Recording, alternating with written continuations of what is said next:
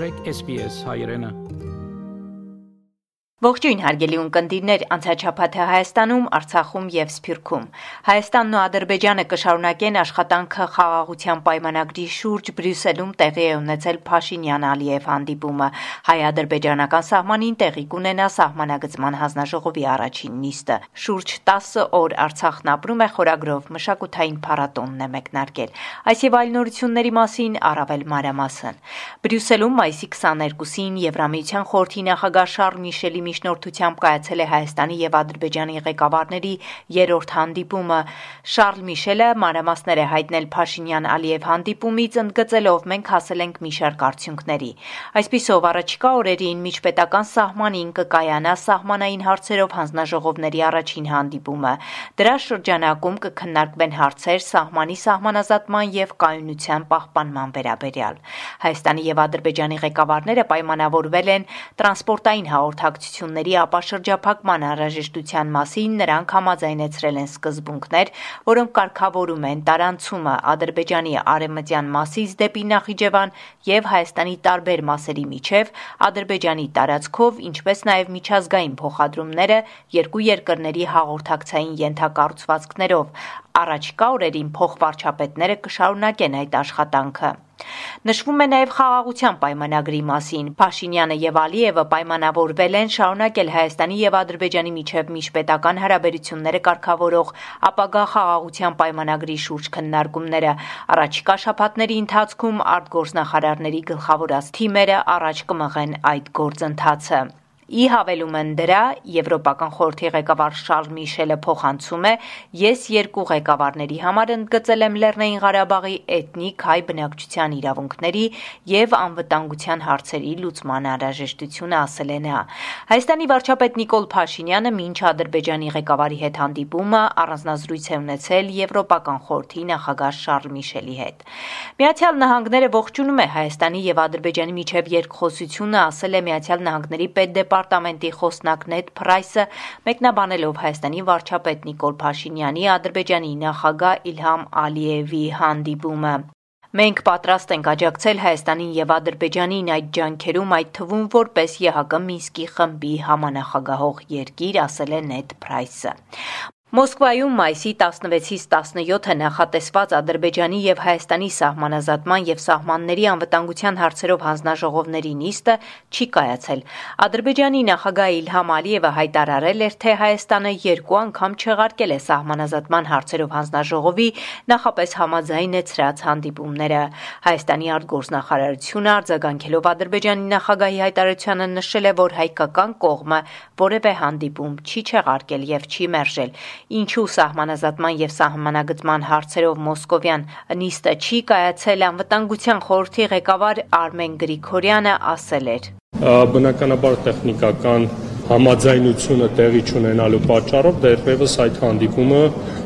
չեն կարողացել կազմակերպել Հայաստանի փոխվարչապետ Մհեր Գրիգորյանը մայիսի 23-ին ընդունել է ԵՀԿ գործող նախագահի անձնական ներկայացիչ դեսպան Անջեյ Կասպրշիկին հանդիպմանը քննարկել են տարածաշրջանային զարգացումները եւ տրանսպորտային ապաշրջափակման ուղղությամբ տարվող աշխատանքները, անդրադարձ է կատարվել Լեռնային Ղարաբաղի հակամարտության համապարփակ կարգավորմանը։ Այս համատեքստում փոխվարչապետ Գրիգորյանը կարևորել է ԵՀԿ Մինսկի խմբի համանախագահության շարունակական աջակցությունը։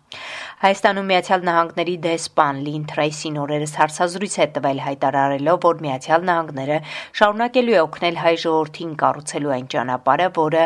ընտրեց 2018-ին եւ վերահաստատեց 2021-ին։ Մեկ այլ հարցազրույցում նա նշել է, որ Միացյալ Նահանգները չի լռում հանրահավաքներին տեղի ունեցող բռնությունների մասին եւ նշել է, որ ողջևորված է ժողովրդավարության ուղղությամբ գնալու Հայաստանի հետագծով։ We will continue to work with uh, the people of Armenia uh, and the government of Armenia շարունակել այս լայն համատեքստում բարեփոխումների ժողովրդավարական աշխատել Հայաստանի ժողովրդի եւ կառավարության հետ։ Շնորհակալություն։ Հայ հեղափոխական դաշնակցության բյուրոյի հայդատի կենտրոնական գրասենյակն էլ այս հայտարարությունից հետո կոչ արել նախագահ Ջո Բայդենին վերանայել Հայաստանում Միացյալ Նահանգների դեսպանի դիվանագիտական գնահատականը հաշվի առնելով նրա ձախողումները։ Հայաստանյան ընդդիմությունը դատապարտել է դեսպանի հայտարարությունը, նշելով, որ այն երկակի ստանդարտ ունեցող հայտարարություն էր։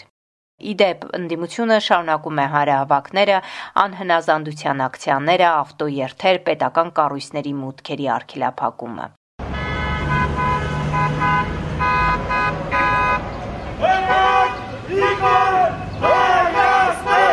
Առանց Թուրքի Հայաստան։ Պահում ենք դրդերը։ Պահում ենք արագ։ Այո, կարա չկա, դուրս դուրս է։ Հայաստան։ Հայաստան։ Թուրքի Ընդդիմությունը հայտարարել է, թե Եվրոպական խորհրդի նախագահ Շարլ Միշելի միջնորդությամբ Բրյուսելում տեղի ունեցած Փաշինյան-Ալիև հանդիպման արդյունքները եւս մեկ անգամ հաստատում են այն պնդումները, որ հայ-ադրբեջանական բանակցություններն ամբողջությամբ ընթանում են ադրբեջանական օրակարգով։ Խոսք չկա Արցախի ժողովրդի ինքնորոշման իրավունքի, ինչպես նաեւ ԵՀԿ Միսկի խմբի համանախագահների մանդատի մասին։ Ազգային ժողովի փոխնախագահ Իշխան Սաղաթելյանի խոսքով ակնհայտ է եւ Բրյուսելում մեկ անգամ եւս փաստվեց, որ գոյություն չունի հայ-ադրբեջանական բանակցությունների ընթացքում որևէ տեղ չի արտացոլվում հայկական շահը, բանակցությունները ամբողջությամբ ընթանում են Ադրբեջանի օրակարգով եւ թելադրանքով, որի մասին բազմաթիվ անգամ խոսել ենք եւ դրա վառ ապացույցն էր նաեւ հանդիպումից հետո Շարլ Միշելի այն հայտարարակ ձևակերպումները, որ տեղի է ունեցան։ Արցախ. Արցախի ճակատագիրը չի կարող որոշվել առանց ժողովրդի կամքը հաշվի առնելու, ապագա հայկականը ֆորումի շրջանակներում լրագրողների հետ ճեպազրույցում ասել է Արցախի մարդու իրավունքների պաշտպան Գեգամ Ստեփանյանը։ Ստեփանակերտում կայացել է ապագա հայկականը նախաձեռնության Արցախյան ֆորումը թեման ժողովրդագրությունն է։ Մասնակիցների թվում նախաձեռնության համահիմնադիրների հետ նաև Արցախի Հանրապետության բարձրաստիճան պաշտոնյաներն են եղել հասարակական հատվածի ներկայացուցիչներ։ Նրանց բոլորին նույն սեղանի շուրջ էր հավաքել հավատը, որ ապագա հայկականը կարող է հայության ապագայի համար վճռորոշ այս ժամանակահատվածում նույն գաղափարի շուրջ համախմբել կարող ուժերին։ Նախաձեռնության համահիմնադիր Ռուսաստանաբնակ գործարար Ռուբեն Վարդանյանի խոսքով. Իմ համար եւ իմ ընկերների համար, ով որ համահիմնադիրներ են ապագայկականի, բարձ է միշտեղ է, որ Արցախը եւ Արցախի ապագան դա ոչ թե մենակ արցախցիների համար, այլ ամբողջ հայկական աշխարհի համար է կարևոր։ Ես վստահ եմ, որ մենք կարանք գնանք առաջ եւ ինչու մենք անում ենք, ունի մեծ շանսեր իրականացնելու։ Արցախի նախագահ Արայիկ Հարությունյանը միանալով ֆորումին նշել է. Այս խաղը, որը մենք թույլ ենք տվել 90-ականներին, երբ որ տասնյակ հազարավոր մարտակերտցիներ եւ շահումյանցիների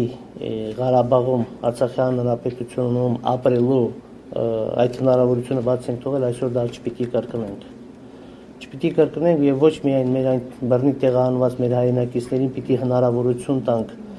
հետ գալ Արցախում ապրելու, այլ նաև պետք է ստեղծենք պայմաններ նրանց համար, ովքեր ուզում են ապրել Արցախում այդ նույն պայմանները ապահովել։ Եթե մենք քննարկում ենք նման թեմաներ, դա նշանակում է, որ ապագայի նկատմամբ մեր տեսլականը դոնե մեզ համար բարձ է։ Արցախն ապրում է խորագրով 10-նորյա մշակութային փառատոն է անցկացվում։ Նախաձեռնության հեղինակը Genesis Armenia ուղեղային կենտրոն հիմնադրամն է։ Կազմակերպիչները ասում են, Նպատակը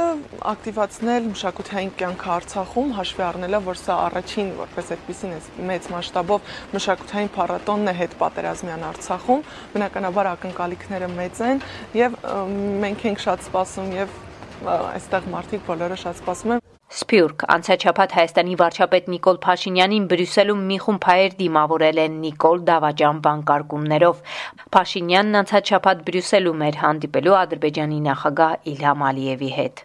Նիկոլ Դավաճան, Նիկոլ Դավաճան, Նիկոլ Դավաճան, Նիկոլ Դավաճան։ Հարահավաք է տեղի ունեցել Լոս Անջելեսում հաջակցություն Հայաստանում սկսված դիմադրություն շարժման։ Հայտնում է հայ հեղափոխական դաշնակցության Արևմտյան Ամերիկայի կառույցը,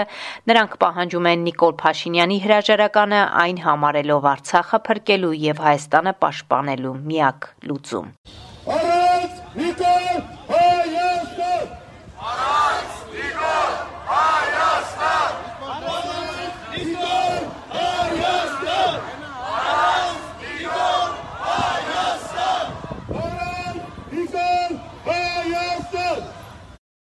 Այսքանը անցնող շաբաթը Հայաստանում, Արցախում եւ Սփյուռքում SBS-ի համար ամփոփեց Գիտա Էլիբեկյանը։ Հավնե, լայք, բաժնեկցե, դարձիկը թայտնե, հետեւե SBS հայրենին թիմադեդի վրա։